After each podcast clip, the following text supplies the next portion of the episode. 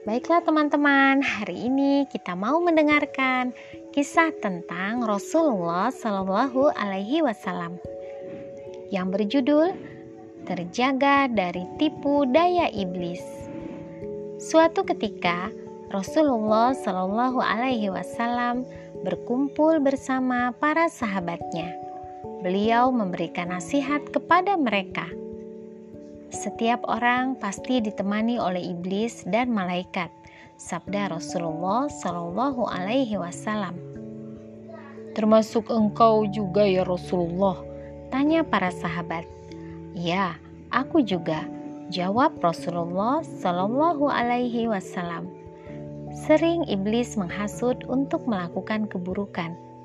Rasulullah Shallallahu Alaihi Wasallam juga selalu ditemani oleh iblis.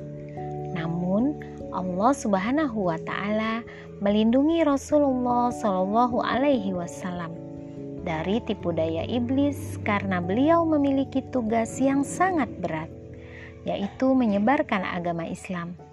Supaya terlindung dari hasutan iblis, beliau selalu berdoa kepada Allah Subhanahu wa taala. Ya Tuhanku, aku berlindung kepada Engkau dari bisikan-bisikan setan dan aku berlindung pula kepada Engkau ya Tuhanku, agar mereka tidak mendekati aku.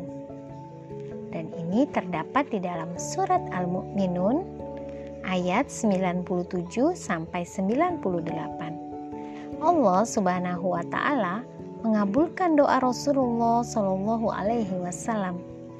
Itulah mengapa beliau tidak pernah tergoda oleh tipu daya dan bujuk rayu iblis.